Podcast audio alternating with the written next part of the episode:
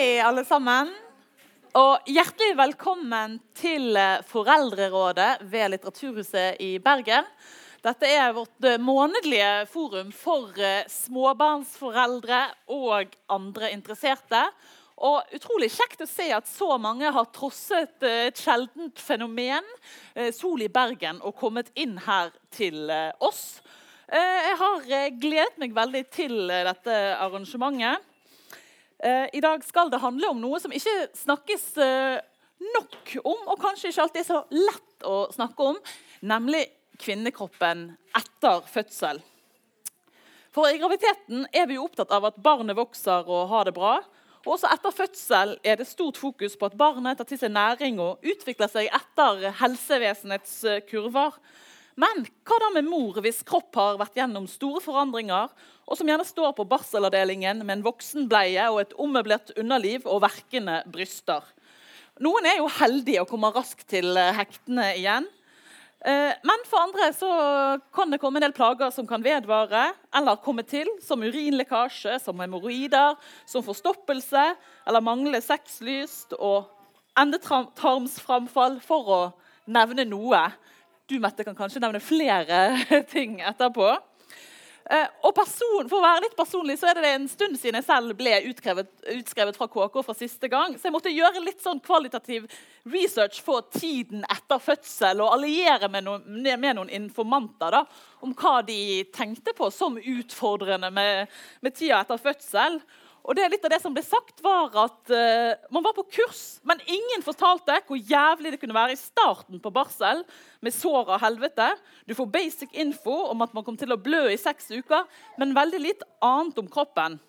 Og disse Barselkvinnene pekte også på at fødselsdepresjon og mors syke gjerne er i, i vinden og snakkes om, men at uh, man ble lite forberedt på bl.a. klipp og sting, hvor lang tid det tok for dem å ordne opp der nede etter at babyen var kommet ut, og hvor vondt og, vondt og bevegelseshemmet man ble etterpå. Jeg visste ikke at man mistet all kontroll og følelse i underlivet. Jeg tisset på meg flere ganger, klarte ikke å holde igjen promp f.eks. Og tyngdefølelsen i underlivet og spørsmål som om kommer alt til å ramle ut. Nattesvette, ja, vedvarende bekkenproblematikk og halebein. Ja, det var litt.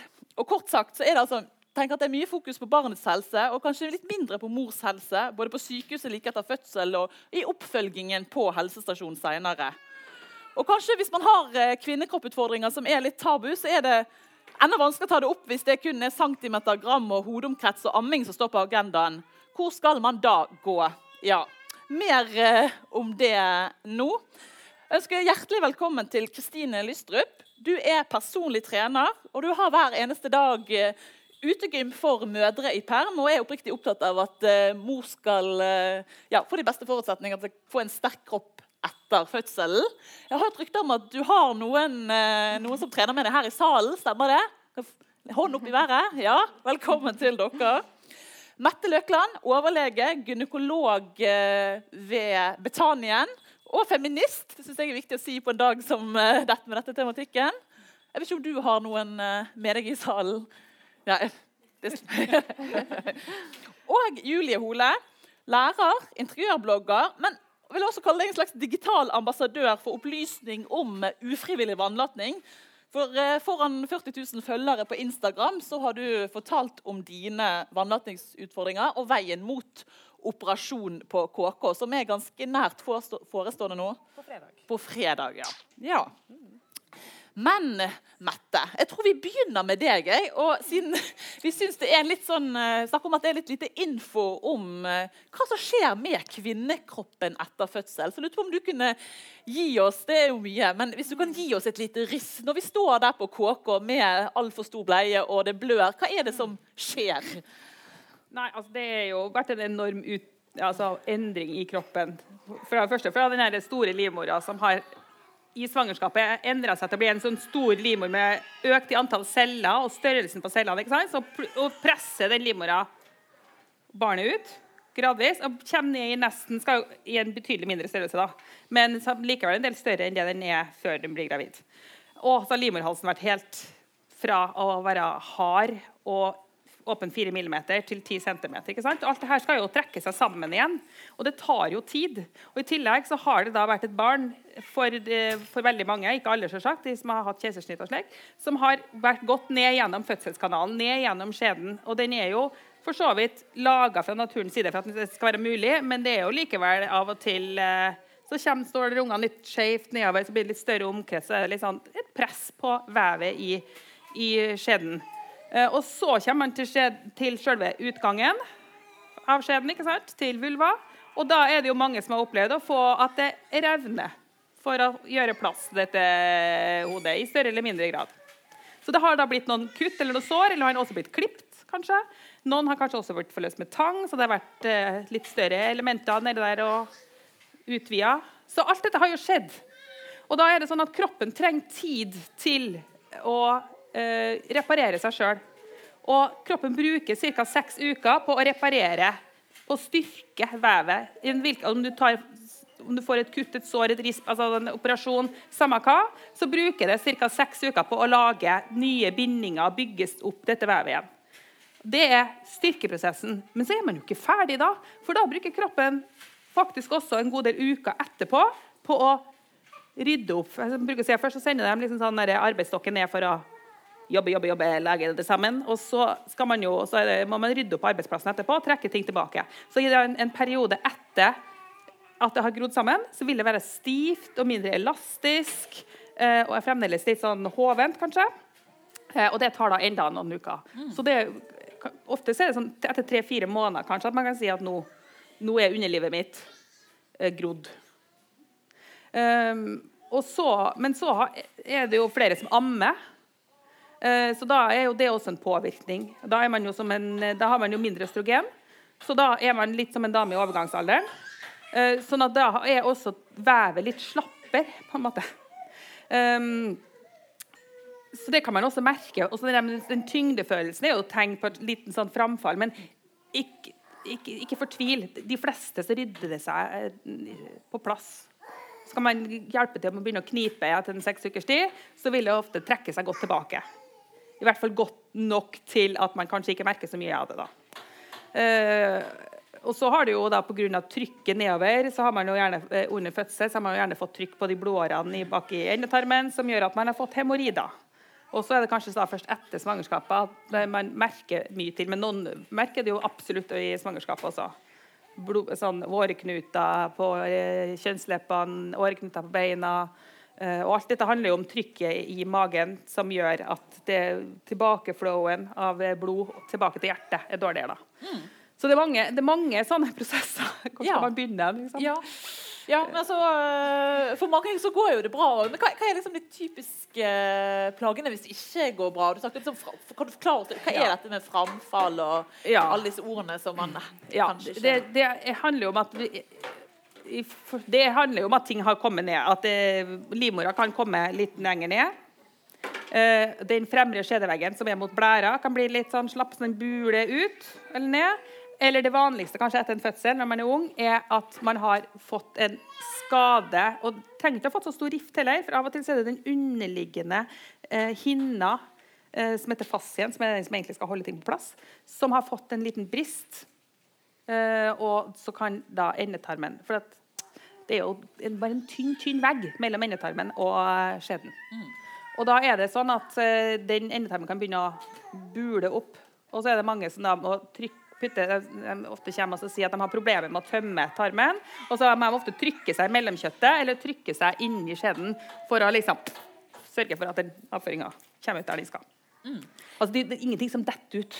Mm. Det, dette er ikke farlig. Eh, det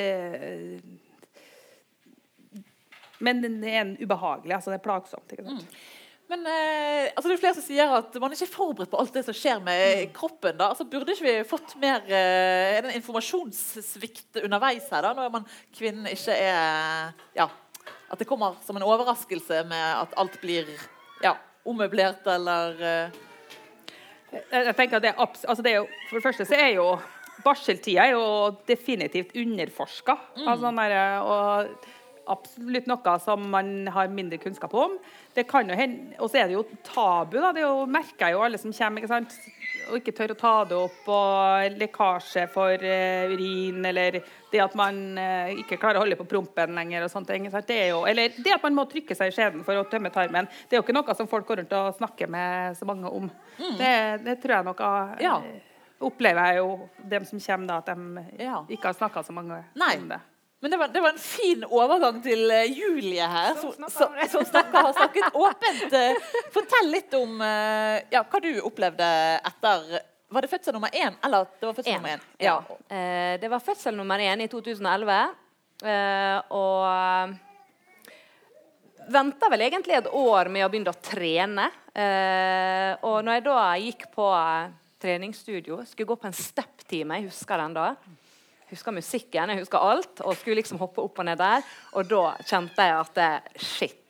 Altså, nå skjedde det noe. Jeg hadde vært veldig inaktiv det året. Jeg hadde ikke gjort så mye hopp og sprett. Og da kjente jeg at dette her er jo ikke normalt. Det kan ikke være sånn. Og så eh, snakka jeg med masse, mange venninner, mange som også hadde fått barn. Som var litt sånn at nei, men du må bare knipe, du må bare knipe, du må knipe sånn og sånn. Så var jeg til lege og fikk beskjed om at eh, jo da, nei, du må bare fortsette å knipe og kneip og kneip og kneip. Eh, jeg har vært inne der mange ganger med fingrene til legen eh, og knipa rundt disse fingrene. Og følte iallfall da at jeg lærte meg å knipe riktig. Hun sa det, nå kniper du riktig. Og det, det er jo en, bare å vite det. Det tok jo et år før jeg skjønte at hva å knipe rett var. Vi snakka litt om det nede. det med Noen kniper jo, så er det rumpa du kniper. sant? Du kniper ikke på riktig plass. Men eh, Og fortsatte jo med det. Fikk ingen info da om at eh, dette her er noe som kan fikses på. Så jeg eh, ble gravid igjen eh, fem år etterpå med han som nå er tre år. Og da, Pga. litt ammeproblemer så valgte jeg å gå til privat jordmor. Jeg gikk til hun Kjersti Irgens. Og så spurte hun bare rett ut. Og jeg er ikke flau. Jeg fins ikke. Men jeg, bare, jeg, har ikke kommet på å snakke med noen om det her med urinlekkasje. For jeg tenkte at ja, ja, det er vel jeg da som ikke har fått det til, eller ja. Det skal vel være sånn. Jeg hadde aldri hørt noe om noe annet. Så sa hun ja, kan du hoppe på trampoline? Og så sa jeg nei, det kan jeg ikke. Ja, eh, hva skjer hvis jeg hopper tau? Hvis jeg eh, går på en treningstime, jogger? Og, og, og, jeg sa det, så det går jo ikke. Da renner det rett ut. Altså det har null kontroll. Eh, og da sa Hun at eh, hun jobba jo på KK som jordmor, og hun sa du er klar over at det tar oss 20 minutter å fikse det for resten av livet. Og så tenkte jeg eh, Hæ? Hvorfor har ikke jeg hørt noe om det? Og da bestemte jeg meg at, eh, For jeg har jo en plattform, jeg når ut til mange, og da bestemte jeg meg der og da at det, det her skal deles. Men jeg skal dele det når jeg går gjennom det sjøl, slik at jeg kan vise og fortelle. Mm. Eh, og da måtte jeg jo være sikker på at jeg var ferdig med å få barn, og det var jeg jo da i, for et år siden. Mm. Da fant jeg ut at nå, vi, vi, vi stopper med to. Mm. Og da eh, satte jeg i gang. Gikk til legen, ba om en henvisning. Jeg spurte ikke så veldig. Jeg sa at jeg vil ha en henvisning til KK. Fikk det, og fikk time der med en gang. Mm. Og da sier jeg det, så ja. ja. Mm.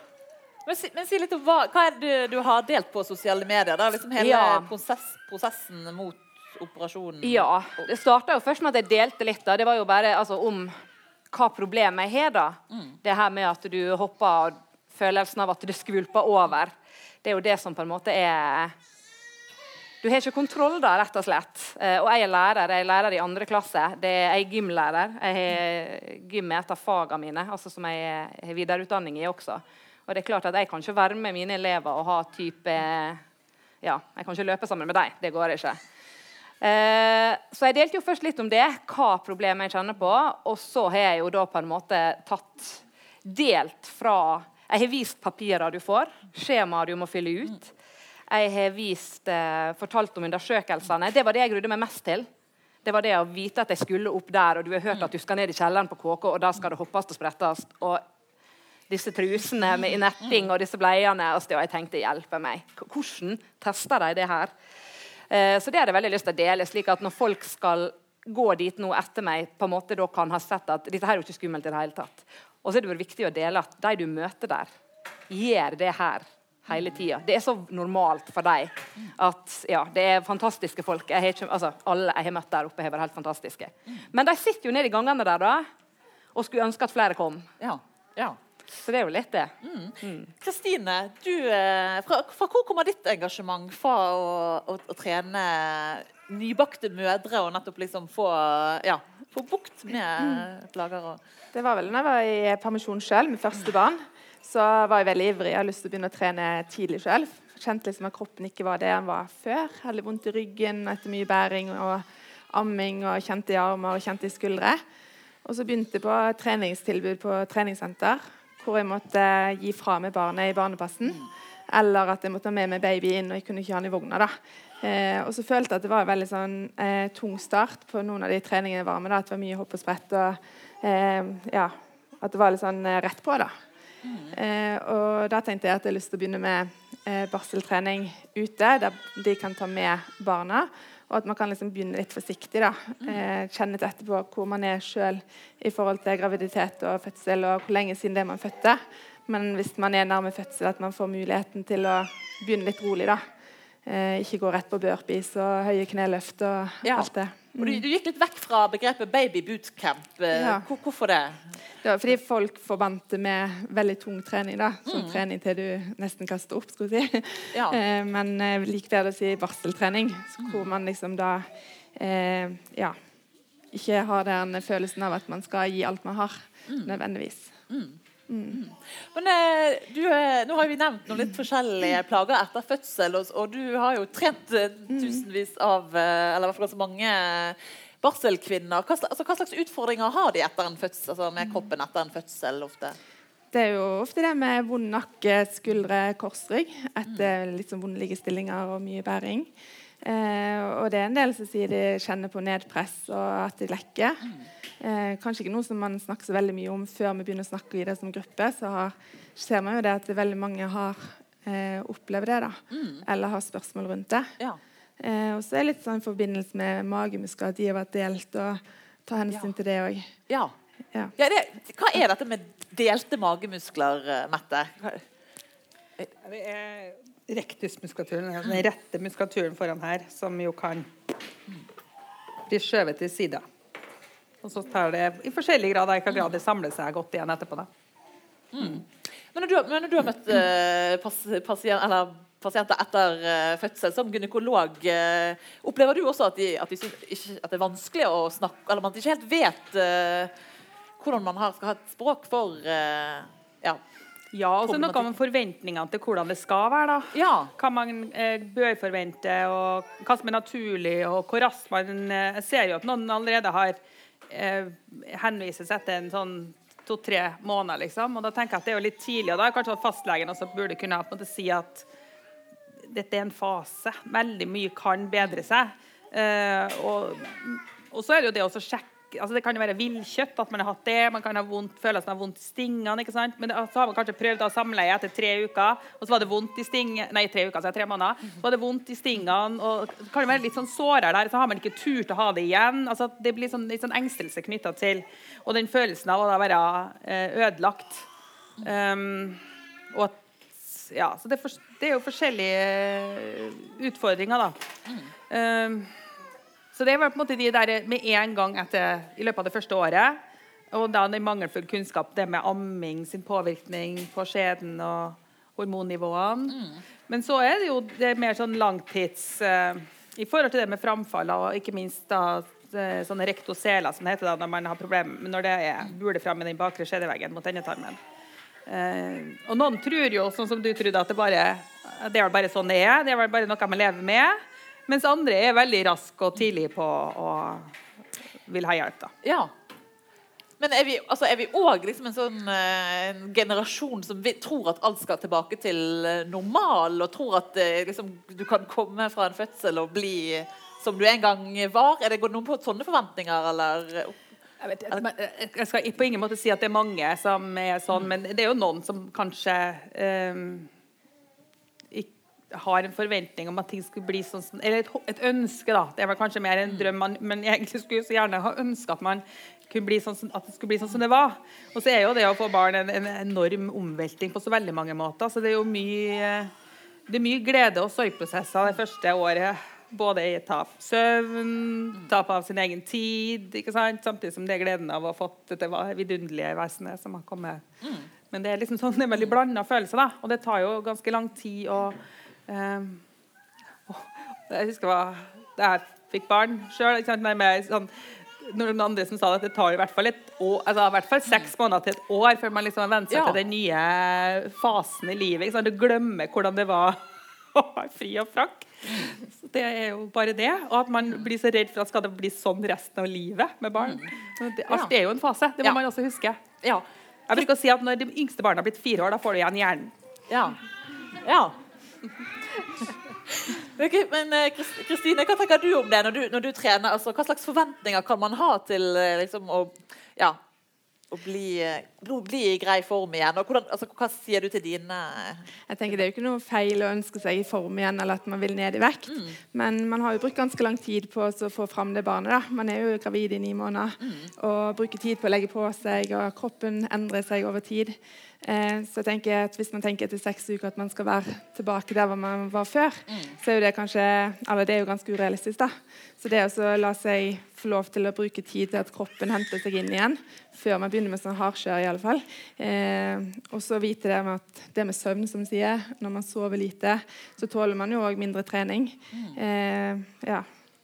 Så det er utrolig mye som spiller inn, da. Ja. Og det er greit å bruke tid.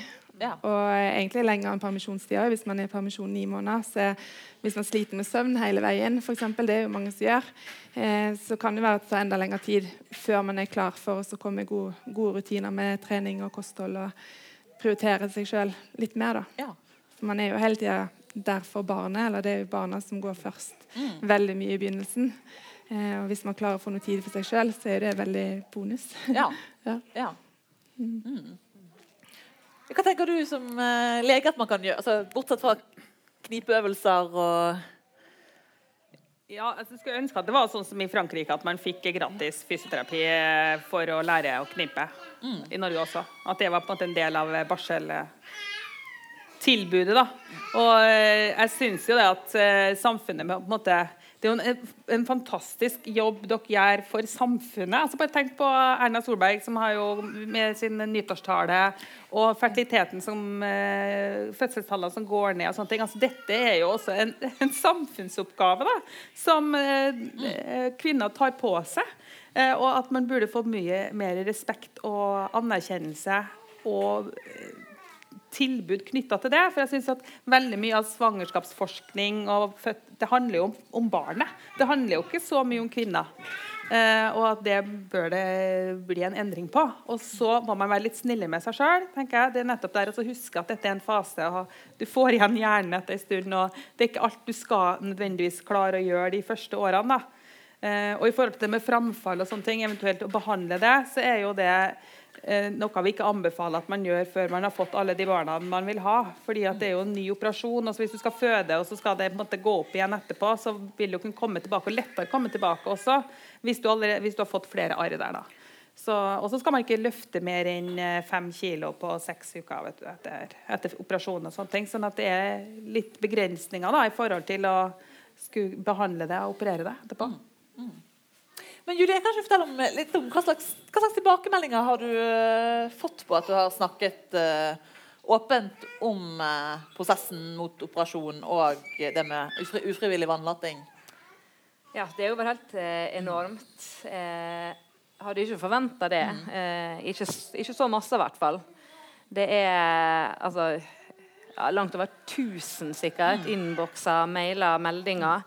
Eh, selvfølgelig mest fra kvinner i samme situasjon. Alt ifra som kanskje fikk barn for et år siden, og til kvinner på 60 pluss som på en måte har gått et helt liv med det her nå, og på en måte aldri snakka om det. Kollega av meg. Jeg har en kollega som skal operere fem dager etter meg. eh, familie, altså tante Ja, i det hele tatt. Som både faktisk har gått gjennom operasjon, men aldri snakka høyt om det. Eh, ja, Så det gjelder så sinnssykt Ja. mange. da. Det, så det er nesten sånn, altså, du må gjerne, Man må snakke om altså, prosenter, men altså, det er så store mørketall at det, jeg tror ingen vet Ja. prosenter så det her gjelder. Det, ja. Hvorfor Ja. er det så tabu, tenker dere? Ja. Jeg, eh, jeg, for, min del, altså for min del så er det på en måte ikke tabu. For jeg tenker at eh, vi må bare rope høyt om det. Grunnen til at jeg ikke søkte hjelp, det var fordi jeg visste ikke at det fantes Nei. hjelp. Jeg visste ikke om at dette var noe en kunne gjøre. Men eh, jeg snakka jo med kollegaen min før jeg skulle ned hit i dag, og hun sa det at jeg, jeg skjønner ikke at du tør. Men eh, ja. Jeg tenker på når du hadde på stå, da de hadde problemer med den der vaskene som over, fylte over fordi at ingen turte å gå på do fordi at uh, alle andre hører at de tisser. Altså, hvis vi ikke kan klare sånne naturlige Det er natur, såkalte naturlige funksjoner. eh, som er så tabu. Folk har jo problemer med å gå på do på jobb og på skole som elever. og Eh, noen skal høre en, og alle de vanene vi legger oss til. Eh, hvis det er sånn fellesdusjanlegg, ikke sant, så kan du kanskje Men hvis det, eh, går, ingen går ut av båsene samtidig alt, alt på jobb, ikke sant, men passer på der. Og så for, jo... ja, det er alle sånne skjule ting. Hvordan man skjuler sine egne omgang med naturlige funksjoner. Mm. Men jeg faktisk med, Det var ei som tok kontakt med meg, som hadde tatt den operasjonen for fem år siden. Og hun hadde ikke engang fortalt det til sin mann. Verken at hun hadde hatt de problemene, eller at hun hadde tatt operasjonen. Nei. Så alt det hadde på en måte foregått litt sånn ja, i det skjulte. da på en måte. Og det handler tror jeg litt om at du kan kjenne på altså det, er jo, det, er jo, det er jo tiss. altså Det er jo ekkelt. altså er jo, altså Du vil på en måte ikke at andre skal tenke det. altså Jeg vet ikke, det, det er sikkert noe der. Og det er jo ikke behagelig de få gangene jeg har opplevd at nå du er, pynter deg og er i et bryllup og danser, og så kjenner du det renner ned under låra. Altså, da er det jo, altså, du føler ikke det er lekker, for å si det sånn. Det er, å, det er ubehagelig. Men, eh, så jeg tror kanskje det er litt, litt, eh, litt den. Og så tror jeg sånn når du Spesielt når du kanskje akkurat har fått barn med, og kanskje ja, du har en baby på et år eller to, så er det, det er så mange ting du føler du kanskje mislykkes med, og så skal den knipinga bli ting nummer 100. Kanskje fikser du til amminga. Ja, du fikser ikke knipinga heller. Og så blir det en sånn ting at du bare ja, er stille om det. Ja. Så er det så vanlig. ikke sant? Ja, så er det så vanlig. Det kan kanskje være litt fordi at vi får litt lite informasjon om Ja, det òg. ja. Det snakkes ikke om på helsestasjonen når vi er gravid nesten, og på seksukerskontroll etterpå, eller på føden etterpå. Eller det er veldig få steder hvor man får informasjon om at det kan skje, og at det finnes hjelp hvis det skjer. Og hvis ikke vi snakker om naturlig under graviditeten på helsestasjonen eller hos lege eller etterpå, så er det kanskje Ja. vanskelig å ta det opp sjøl som Ja. tema. Ja. Ja, men, altså, burde ikke det bli mer sånn standardisert da, at på kontroller etter fødsel så spør eh, jordmor om alle disse problematikkene? da? For det, nettopp fordi det er vanskelig kanskje å, å, å ta det opp selv, da, men at man gikk gjennom eh, ja, dette både med endetarm og bekkenmuskulatur. Eller, altså, hvordan kunne vi løst opp i dette? Ja, Man burde vel hatt bedre eh, svangerskapsforberedende og også eventuelt da en på barselgruppa. At det har vært standardisert nettopp at man tok opp eh, en del slike tema. da. Og så er det jo det med å informere og ikke skremme også. da. Det er jo Ja. den der balansegangen der. Det er jo av og til eh, sånn jeg har jo mange som kommer til meg, ikke sant? og så er det da, en ting er på en måte eh, å fange opp hvis det er noen som syns det er for tabu å snakke om, sånn at jeg kan hinte om at her eh, var det et stort framfold, og har du problemer med sånn og sånn. Men jeg skal jo ikke påføre noen en følelse av at noe er feil hvis de ikke har den følelsen sjøl. Altså, det er jo også noe med det. Altså, sånn der, eh, hvis noen er helt fornøyd med hvordan man har det i underlivet, så skal ikke jeg komme og si at du ser unormal ut. Det er også, det er også et problem. Mm. Det får man jo også kritikk for hvis man gjør det. Og man skal ikke legge på en måte en stein til byrden da, på alt det andre. Ja. Så det er, det er en vanskelig sånn eh, balansegang. da. Ja. Men, men her er jo det altså en innflytelsesrik privatperson som liksom har hatt sin digitale informasjonskampanje. Ikke dette en jobb eh, Haukeland burde gjort? Altså, Ja, men, altså, ja, men, Ja. sant.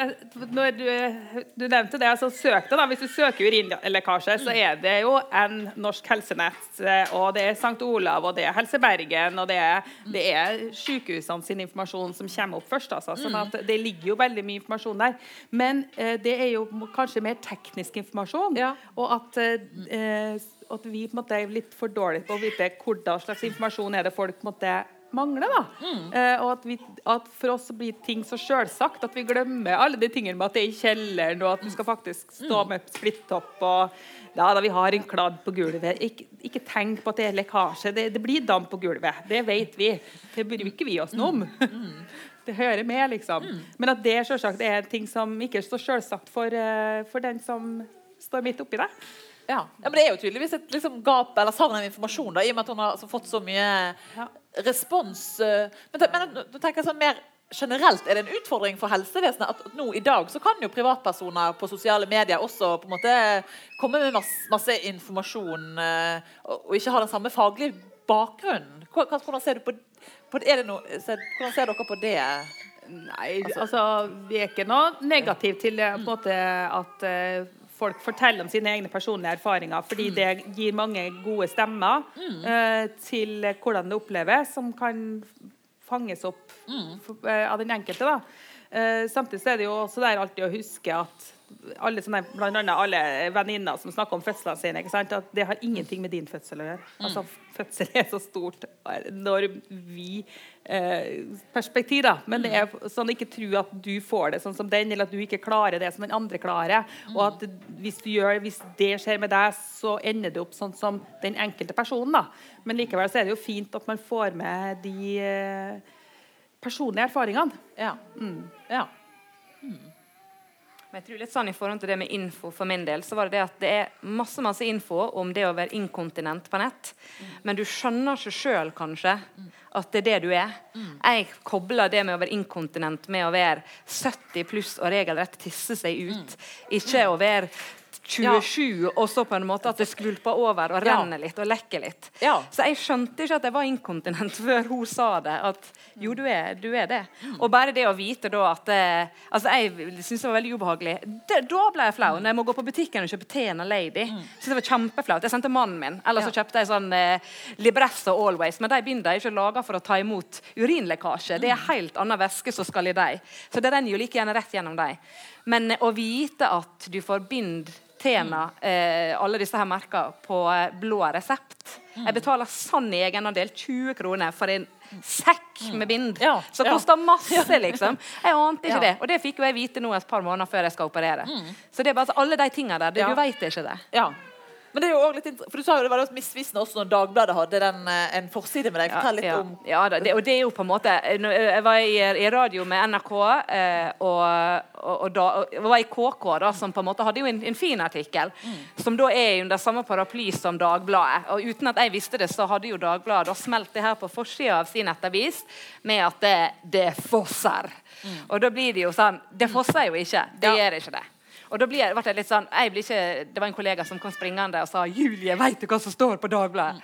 Og syntes jo det var kjempeflaut sånn, på mine vegne. Jeg blir ikke flau over det, men jeg, blir, jeg ble litt sånn irritert, for jeg tenker det sitter så mange kvinner både som kanskje har fulgt meg på den prosessen her, og som leser det her og tenker at å ja, men da så plager jeg ikke jeg.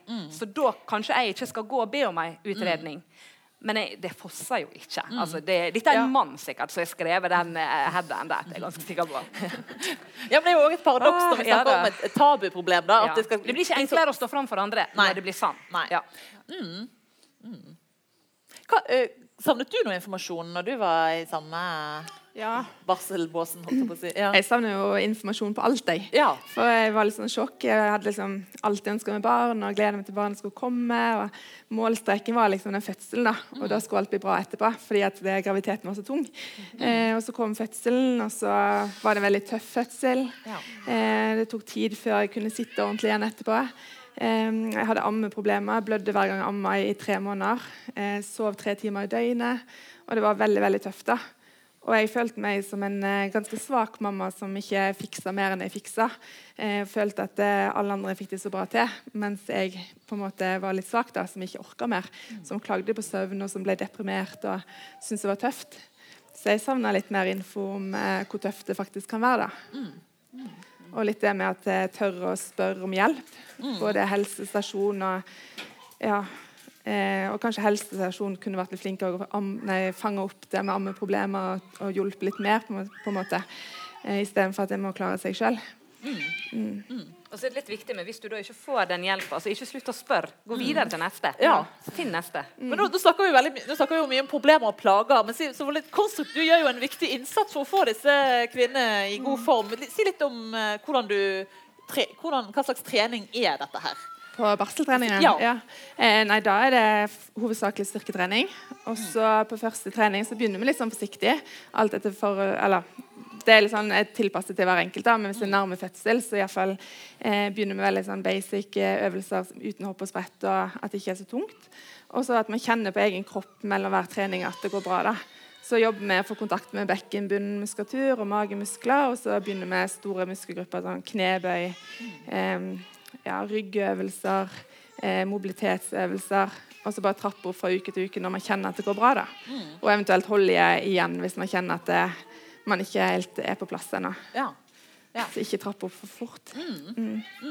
Men det handler stort sett om å få kontakt med de største muskelgruppene. Sånn at man eh, kan bære barna og eh, være med de og stå i mammarollen uten å få så mye vondter i kroppen f.eks. Mm. Få litt mer overskudd i hverdagen. da. ja. Høres det bra ut fra et medisinsk eh, Ja, definitivt. Mm. Ja. Og så tenker Jeg at jeg har jo også veldig mange, jeg jobber mye med smerte. da, eh, problematikk og sånne ting, og Da er det jo også en del som har fått vondt i bekken, ikke sant? og som har vondt av støt under samleie, eller det er vondt å gå. og Som er etterfølging av både bekkenløsning eller nettopp da sånn feilbelastninger. og sånt. Men det er jo nettopp at man har man har en jobb, man har eh, små unger hjemme. altså Timeplanen er på en måte veldig full. altså Man har jo ikke så mye tid til å ta vare på seg sjøl. Så det er det der at hvis det er enkle, små ting altså Ikke ha Legg lista lågt, bruker jeg å si. Og det skal ikke mer enn en 15 minutter treningsøkt til før det gir effekt. Så det er f.eks. en knebøy og en ryggøvelse og eh, skånsom mageøvelse. Så har du trent gjennom kroppen veldig bra. Så det trenger ikke være en times treningsøkt og at du er, skal trene i til utmattelse. Mm. altså, vi snakker litt om dette snakkes for lite om, men det er jo kanskje i hvert fall en bedring fra noen tiår tilbake. da, Dette med plager etter fødsel, eh, Mette. Altså, hvordan var det? Ja, det var vel, i, inn, ja, det var vel null, sannsynligvis. Mm. sånn at det er jo betydelig bedring i alle typer informasjon, og ikke minst omsorg. Det er jo hva Jeg jo jeg tenker på det, jeg har jo noen damer som fødte på 60-tallet og sånne ting, ikke sant? som eh, hadde nullomsorg og ble sendt hjem ut av sykehuset og hadde født Husker jeg som sa at de første to ungene var, var dødfødt. Eh, og når hun grein sine modige tårer alene inne på et rom etter andre fødsel, og jeg fremdeles ikke hadde noe barn å ta med seg hjem, så kom jordmora inn og sa at dette noe, å grine hjelper ingen. Og gikk igjen og hun måtte forbanna seg på at dette skulle hun Ingen skulle se tårene hennes igjen. Og dette på en måte, og da får jeg klem for at jeg har spurt. Og det er da skjedd for over 50 år siden. Så det er jo mye, er mye bedre omsorg nå altså, enn det, enn det var for kort tid siden. Og det er jo mye som skjer også i forhold til det med å unngå rifte i forbindelse med fødsel. Kvinneklinikken er jo, har jo gjort en stor jobb der på å redusere det. sånn at det, er jo, tas jo mye bedre vare på bekkenbunnen nå enn det gjorde bare for eh, Jeg jobba på kvinneklinikken når riften er var på topp. Men, men eh, nå kom jeg på Nå snakker vi om eh, rifter og, og underlivet. Altså, hva slags altså, seksuallivet? Hva slags utfordringer man kan, kan man få i seksuallivet etter, etter fødsel og Først og fremst er det vel mangel på lyst. Ja. Som jo handler også om når du sover dårlig og du har en unge som plutselig kan våkne og som henger i puppen på deg. og så, og har redusert østrogen nå, da, i forhold til hormonelt, så er det ikke, på en måte, kanskje ikke det som eh, står først på timeplanen.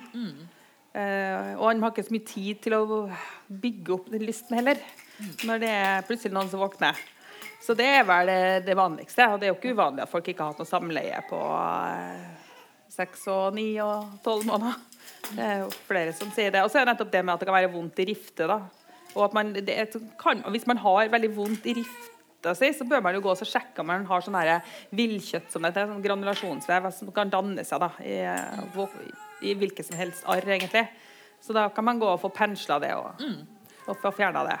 Og så må man jo, så må man jo kanskje ha glidemiddel. Mm.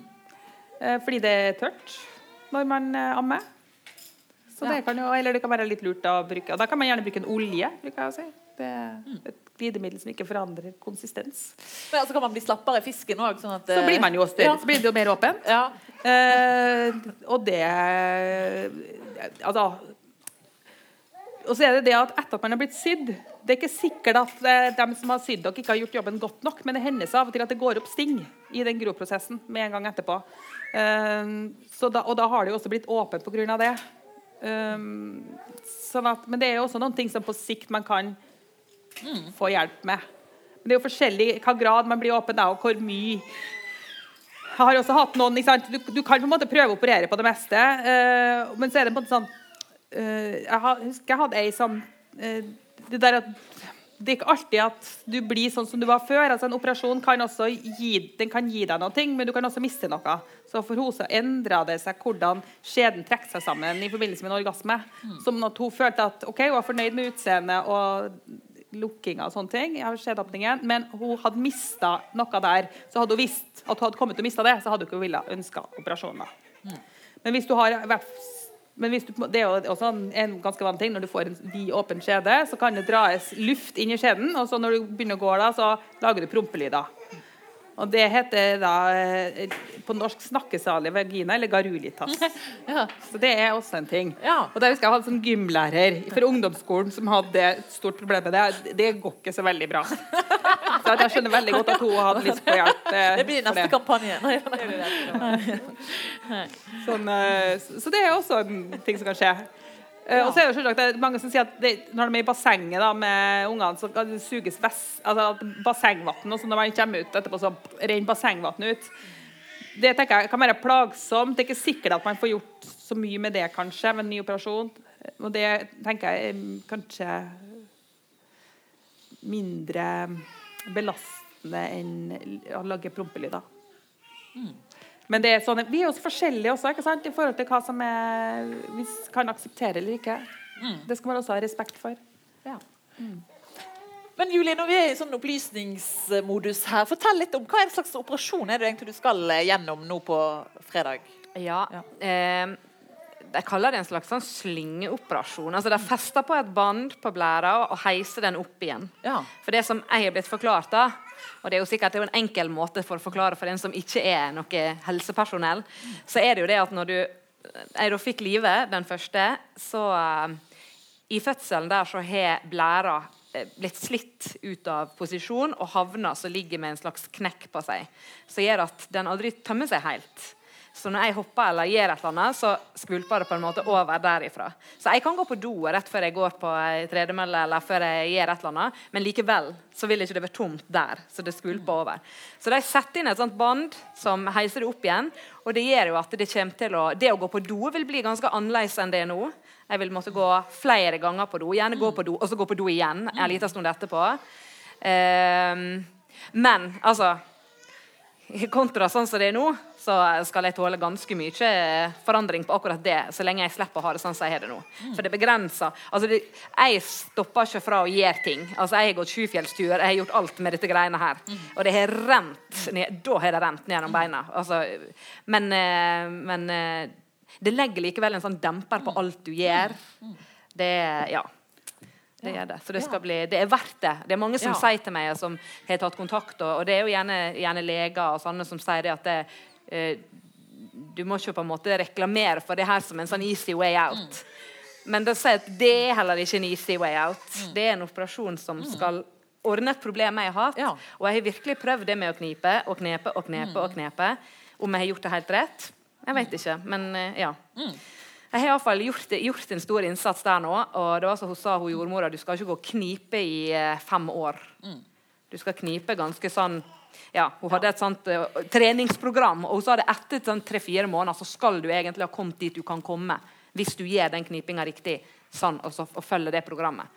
Så uh, fem år, det er, Det er mye kniping. Ja. det er mye kniping. Ja. Men, nå, men altså, sånn som i juli, altså, når er det egentlig man bør oppsøke hjelp? Og hvor skal man gå hvis man kjenner at, eh, ja, at, at man har lekkasje? Altså, hvor mye er liksom nok? Eller, kan du si litt om Det er jo nok at man sjøl uh, syns det er et eh, problem for livskvaliteten.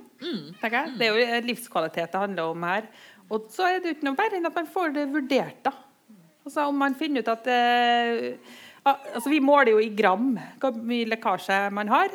Ved da både at man, eh, må, man måler og veier hjem, og denne hoppetesten splitthopp og nysing og slikt. Og da får man et antall gram lekkasje.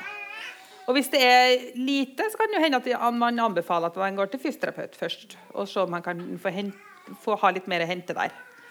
Uh, og da har man jo fått hjelp til det. da, Og da får man jo hjelp til å finne den rette fysioterapeuten. Og, sånn det, man må jo gå når man sjøl syns man har et problem.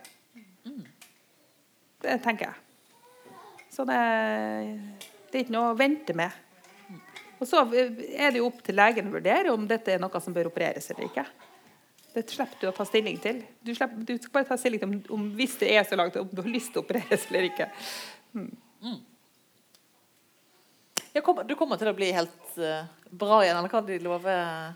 Så prognosene for den operasjonen der er veldig veldig gode. Men eh, altså, der er jo tilfeller som der det ikke, altså, der det ikke blir, eh, er suksess. Men, eh, og det kunne skje at du i løpet av en sånn operasjon Jeg husker ikke hvor mange det var, men at du plutselig må da sette inn et kateter i 14 dager. for å på en måte, Men det er sjelden, sa de. Men altså, det er sånn som kan skje.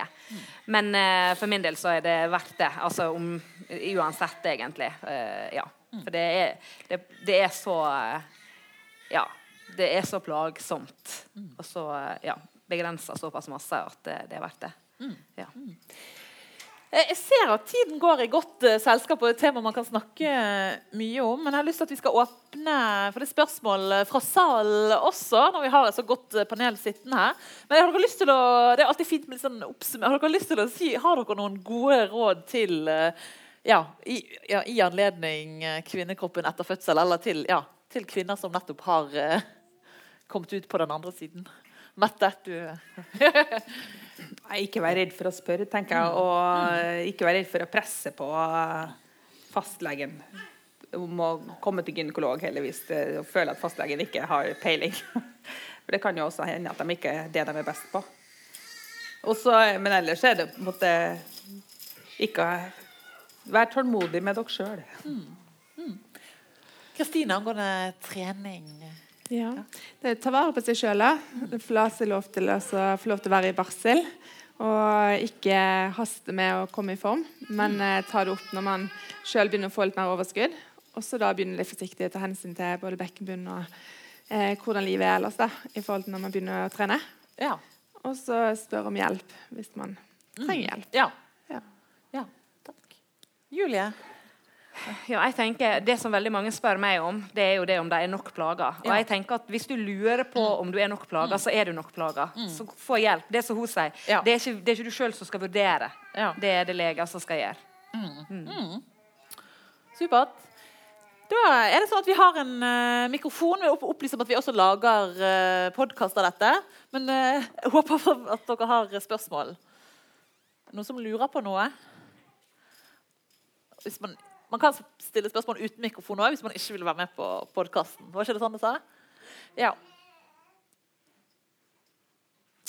skal bare, jeg skal minne om eh, at neste utgave av Foreldrerådet er det mandag 27.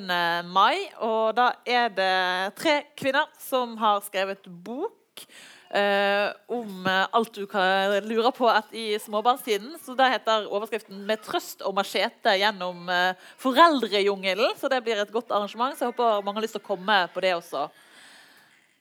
Ja, men da vil jeg si tusen takk til et eh, veldig godt panel, og til dere som møtte opp her.